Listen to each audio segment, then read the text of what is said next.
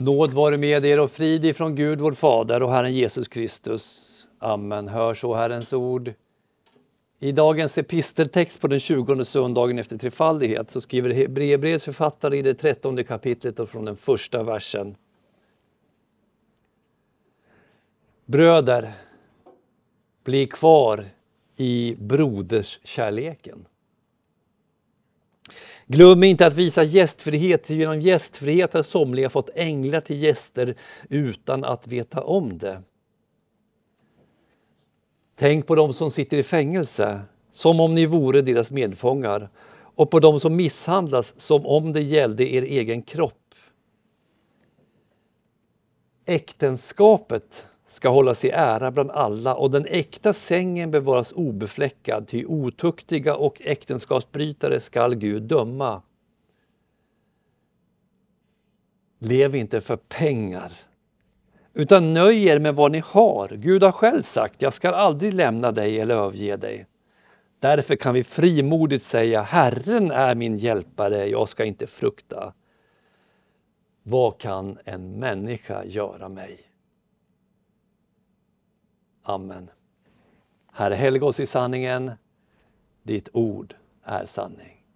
Amen. Dagens text är det sista kapitlet i Hebreerbrevet som skrevs till en skara judekristna i Judeen, troligen i Jerusalem, åren efter Kristi himmelsfärd, men före templets förstörelse år 70. Precis som i stort sett alla brev i Nya testamentet så avslutas brevet med några maningar till församlingen och personliga hälsningar. Det ser ni ju när, när ni läser igenom breven i Nya testamentet. De avslutas på ungefär samma sätt.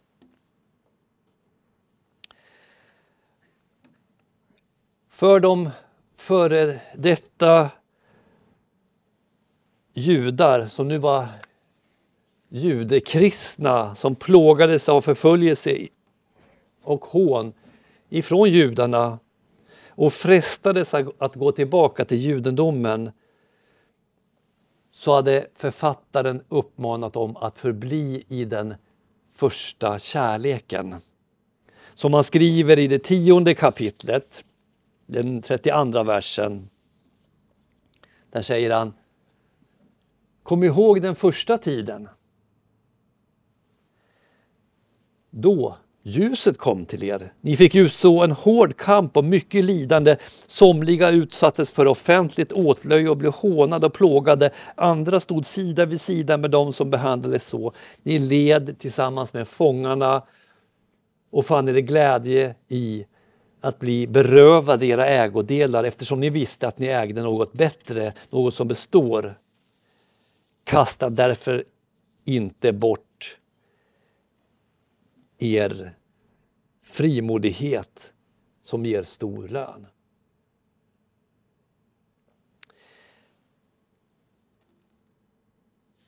Han hade då, om vi ska summera Hebreerbrevet, han hade i kapitlen i Hebreerbrevet påmint om överlägsenheten i den kristna tron jämfört med de gammaltestamentliga förebilderna och den gammaltestamentliga lagen. Dessa förebilder som judarna, när han skriver, fortfarande levde kvar i med tempeltjänst, offer, sabbat och ett levitiskt prästadöme. Kristus är, har han förklarat i kapitlen i Hebreerbrevet, han är uppfyllelsen till alla förebilderna, uppfyllelsen, fullkomnandet av det levitiska prästadömet, tempeltjänsten och alla ceremonier. Sabbaten hade sin funktion i det gamla förbundet, men tron på Kristus är den sanna vilan, förklarar han i det fjärde kapitlet i Hebreerbrevet.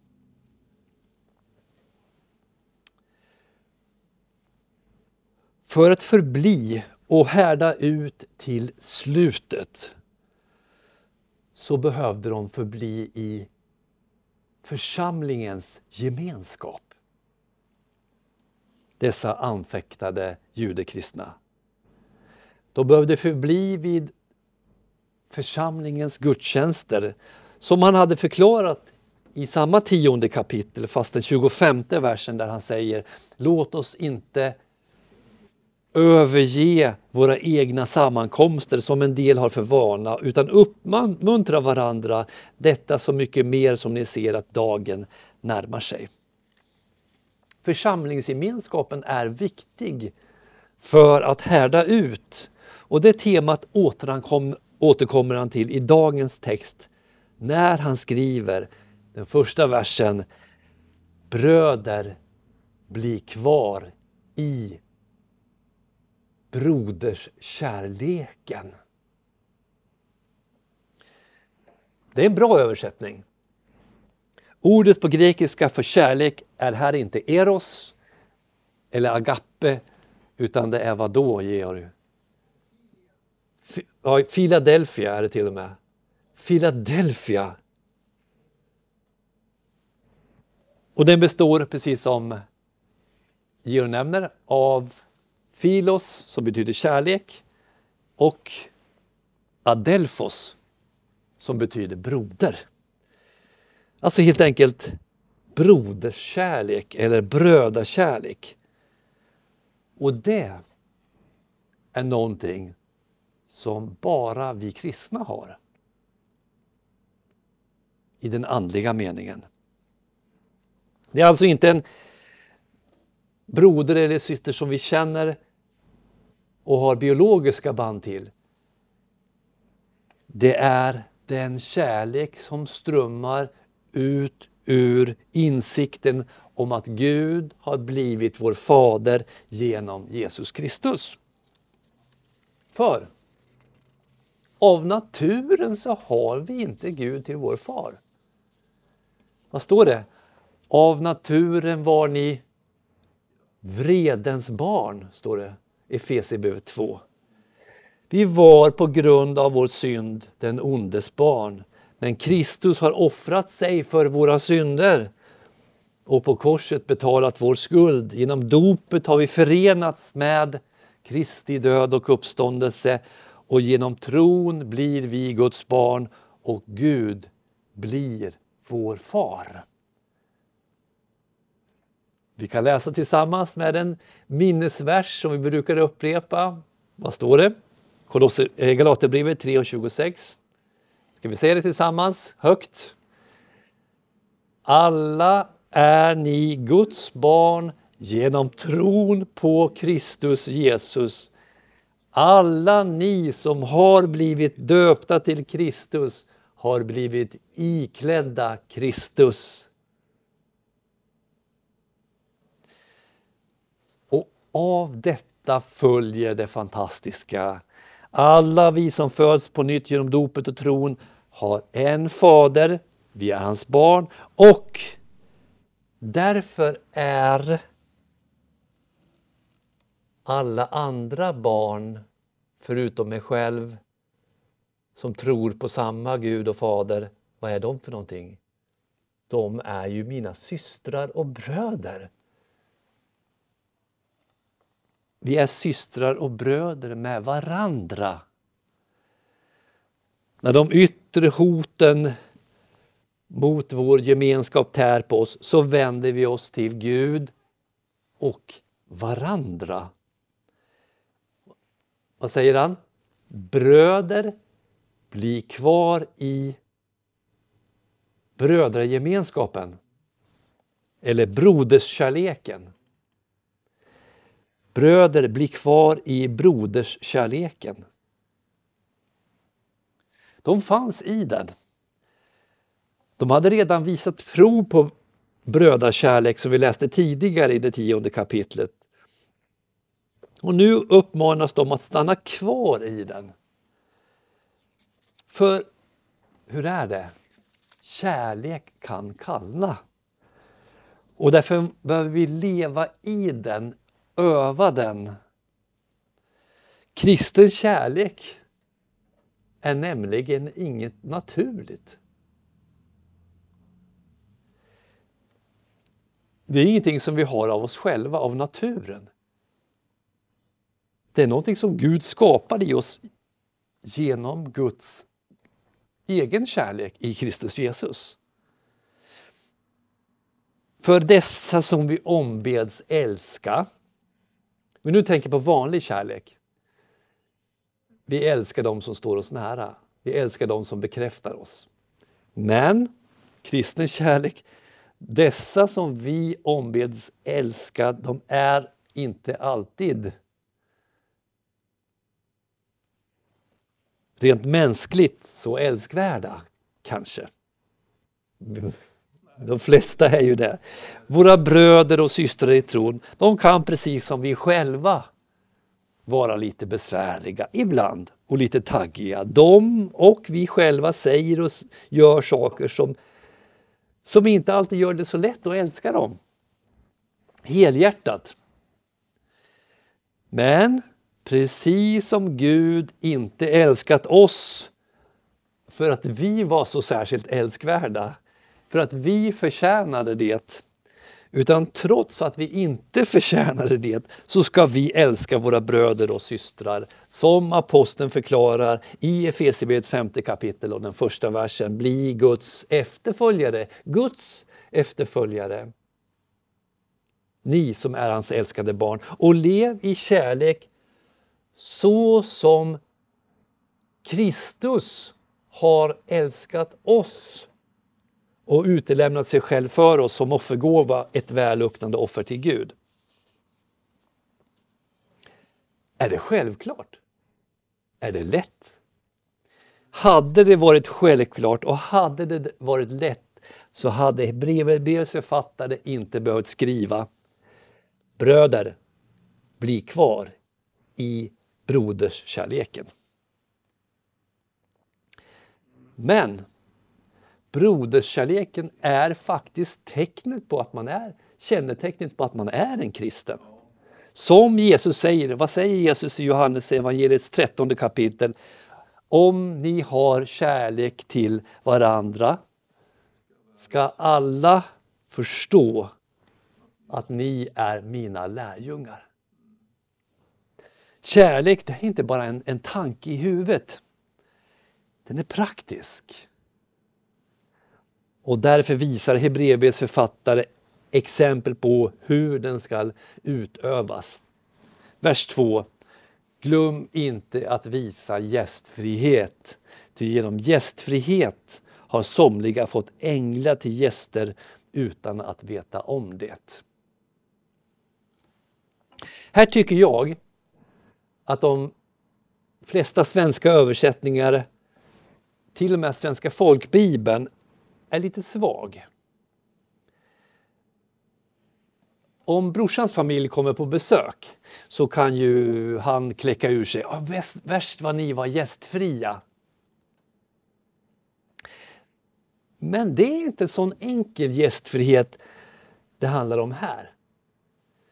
I grekiskan står här istället för gästfrihet så står det filozenia. Filosenia. Som ordagrant betyder kärlek till främlingar. Filosenia. Nu har vi, vi har lärt oss lite grekiska idag. Vad sa vi att filos det betyder kärlek? Och Zenos betyder främling. Främling. Och de flesta engelska översättningar skriver ut kärlek till främlingar eller to entertain strangers. Det handlar alltså inte främst om kärlek till någon som vi redan känner och redan älskar, utan om kärlek till personer vi inte känner. Att människor öppnade sina hem det var väldigt viktigt för resande på Bibelns tid. Det fanns, det fanns ju gästgiverier, härbergen inrymda i privata hem, men inga hotell. Hur skulle man kunna veta om det inte var fullt när man kom? Hur skulle man kunna veta att de inte tog ett överpris? På den tiden var ju lönen oftast inte mer än en denar. Så man hade inte så mycket pengar. På grund av förföljelsen från judar och romare så hade många kristna fått lämna sina hem, vet ni, och var behov av tak över huvudet, huvudet, skydd och mat. Och det, då var det naturligt att söka sig till andra städer där, där det redan fanns kristna församlingar. Var det ett problem? När en kristen främmande familj stod utanför dörren? Ja, ibland, ibland verkar det som det. Eftersom Petrus är tvungen att skriva 1 Petrus 4 och 9. Var gästfria mot varandra utan att klaga. Tydligen var det några som klagade medan andra skötte sitt ansvar. Aposteln Johannes berömmer särskilt Gaius i sitt tredje brev, den femte versen, när han hälsar honom. Han skickar ut hälsningar i sitt tredje brev på slutet där. Så gör han en personlig hälsning till Gaius. Där säger han så här, älskade broder, du visar dig trofast i allt vad du gör för bröderna, också för dem som är främlingar. Inför församlingen har de vittnat om din kärlek och du gör väl när du på ett sätt som är Gud värdigt utrustar dem för deras fortsatta färd. Det är ju för namnets skull de har gått ut. Och de har inte tagit emot något av hedningarna. Därför är det vår plikt att sörja för sådana så att vi kan arbeta tillsammans för sanningen. Men kärlekens apostel nämner ett enda undantag till den kristna plikten att visa gästfrihet. Och vad är det Marielle? Vad är det enda undantaget till att visa gästfrihet? Det är när det handlar om falska lärare. Kristna som falska lärare, alltså kristna som blandar lögn och sanning, som blandar ihop det. Han säger i sitt andra brev, samma apostel Johannes, säger han så här. Den som inte förblir i Kristi lära utan går utöver dem, han har inte Gud. Den som förblir i hans lära har både Fadern och Sonen. Om därför någon kommer till er och inte för med sig denna lära ska ni inte ta emot honom i ert hem eller hälsa honom välkommen. Den som välkomnar en sådan gör sig medskyldig till hans onda gärningar. När det gäller gästfriheten till våra bröder i tron så anger författaren idag ett särskilt skäl förutom den kristna brödrakärleken. Och vad var det, Leif? Han anger ett särskilt skäl till gästfrihet utöver den kristna brödrakärleken när han skulle motivera gästfriheten. Just det. Vers 2. Glöm inte att visa gästfrihet, ty genom gästfrihet har somliga fått änglar till gäster utan att veta om det. De kände alla till berättelsen om Abraham. Den här berättelsen som vi läste idag i den gamla testamentliga läsningen. Abraham som satt utanför sitt tält och tog emot tre besökare där alla tre visade sig vara änglar. Och i nästa kapitel i samma bok så berättar Moses om en annan person som fick besök av änglar. Och vilken var det? Jo, det var Lot som fick Lot som var eh, Abrahams eh, brorson fick också besök av änglar i sitt hem. Ja, vi har minst ytterligare två exempel på personer i Bibeln som tagit emot änglar som gäster. Till exempel Gideon och Simsons far Manoa. Domarboken 13. Har det här hänt under apostlarnas tid eller i vår tid? Ja, men som gäster. Ja. Under apostlarnas tid eller i vår tid? Vi vet helt enkelt inte. Det är Hebreerbrevets författares poäng. Just därför, därför att vi inte vet, ska vi behandla medkristna främlingar som om de vore änglar. För de kan ju lika gärna vara det. För änglar kan nämligen anta olika skepnader. Vi vet inte. Vad vi vet är att på det sätt som vi bemöter en av dessa mina minsta bröder så bemöter vi Kristus själv. Som han själv säger i Matteus evangeliet 25 kapitel, ty jag var hungrig och ni gav mig att äta. Jag var törstig och ni gav mig att dricka. Jag var främling och ni tog emot mig. Jag var naken och ni klädde mig. Jag var sjuk och ni besökte mig. Jag var i fängelse och ni kom till mig. Och här kommer vi till nästa del i dagens text. Tänk på dem som sitter i fängelse. Som om ni vore deras medfångar och på dem som misshandlas som om det gällde er egen kropp. Här ska vi inte glömma att Jesus talar om dessa mina minsta bröder, dessa små. Det vill säga våra medkristna. Många hade satts i fängelse på grund av sin tro eftersom alla sanna Guds barn tillhör samma kropp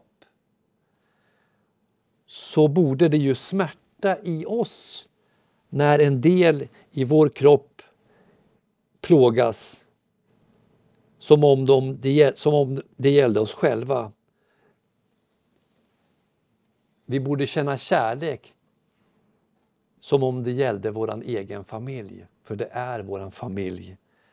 Vår andliga familj. Och denna kärlek hade de kristna, som författaren skriver till, de hade redan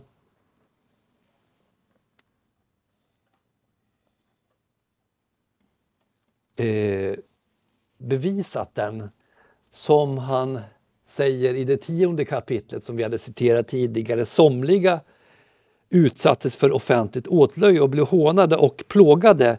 Andra stod vid, sida vid sida med dem som behandlades så. Så säger han där, Hebreerbrevet 10.34. Ni led tillsammans med fångarna. Så ser den kristna kärleken ut. Eftersom alla sanna Guds barn utgör en enda kropp så lider vi alltså när en del av kroppen drabbas. Och på apostlarnas tid så var det påtagligt med fängelse och tortyr. Idag i västvärlden så kanske inte vi här i Sverige i alla fall upplever exakt samma sak.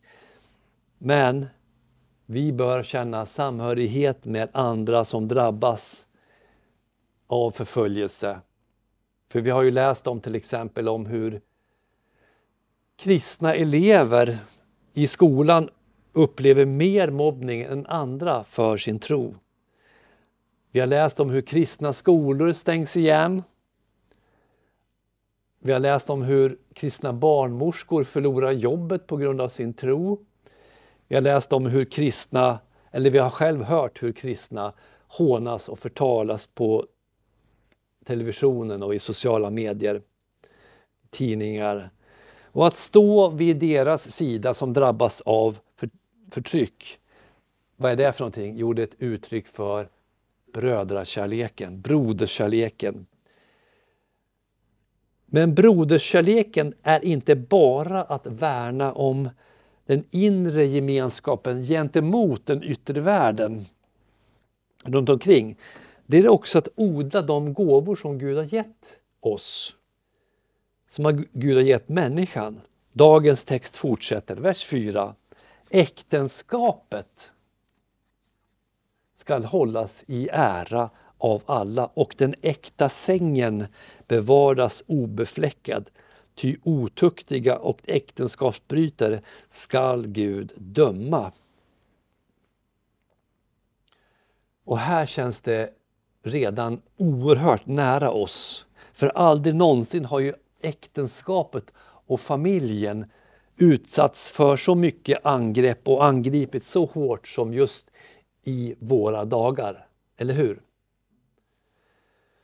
Ungefär 30 procent av de kristna äktenskapen i USA går sönder, slutar i skilsmässa. Och hur siffran ser ut i Sverige, det vet vi inte. Men för ett par veckor sedan så fick vi läsa om hur pingströrelsens högste ledare Daniel Alm avgår på grund av sina otrohetsaffärer, sitt äktenskapsbrott. Och tyvärr har ju inte ens våran lilla kyrka sluppit undan moraliska problem, problem med spruckna äktenskap, problem med otrohet och, och så vidare. Familjen är en viktig del i den kristna församlingen och brödragemenskapen. Och därför lyfter dagens text fram äktenskapet som det viktiga fundamentet i församlingen med orden Äktenskapet skall hållas i ära. Det betyder att vi ska hylla det. Det är ju Gud själv som har gett oss det när han skapade de två första människorna. Jag hatar skilsmässa, säger vem? Ja, genom profeten Malaki. Malaki 2.16. Och Jesus säger på samma sätt, Markus 10, vers 9. Vad Gud har fogat samman skall människan inte skilja åt.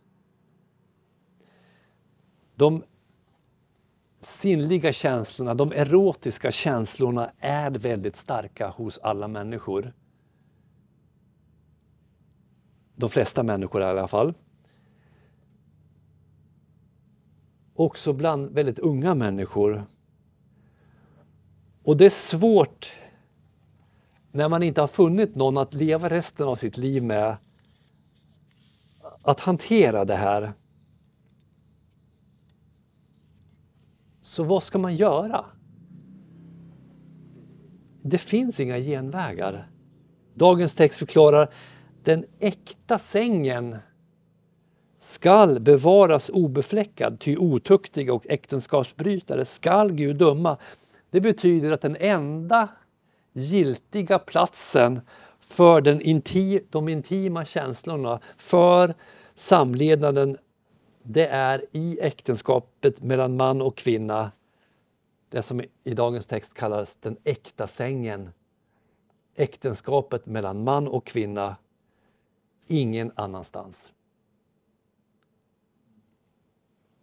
En spricka mellan gifta män och kvinnor är en spricka i församlingen. Brödgemenskapen vill hålla samman det här heliga förbundet, äktenskapet. Och allt detta hade fungerat i församlingarna. Vad är det som, allt det här som vi har talat om idag, det hade fungerat i församlingen i, som Hebreerbrevets författare skriver till. Vad är det som håller på att kyla ner brödergemenskapen, kärleken? Så att vi inte tar oss an våra bröder och systrar som vi inte känner. Så att vi inte visar medkänsla med dem som lider. Eller låter äktenskapet devalveras till förmån för känslosvärmeri? Svaret är att en annan kärlek kan konkurrera ut den kärlek vi äger genom tron på Kristus Jesus. Av kärlek till den här världen har Demas övergett mig, skriver aposteln Paulus sorgset i ett av sina brev. Av kärlek till den här världen. Kommer till det. Också kristna kan bländas av känslor, värderingar som karriärsjakt och materialism som världen erbjuder världen. Det vill säga det ogudaktiga sammanhang som finns utanför den kristna församlingsgemenskapen. Det är världen. Aposteln varnar idag för en av de frestelser som världen erbjuder. En av de frestelser som världen erbjuder när han säger vers 5 och vers 6. Lev inte för pengar. Utan nöj er med vad ni har. Gud har ju själv sagt, jag ska aldrig lämna dig eller överge dig. Därför kan vi frimodigt säga, Herren är min hjälpare, jag ska inte frukta. Vad kan en människa göra mig?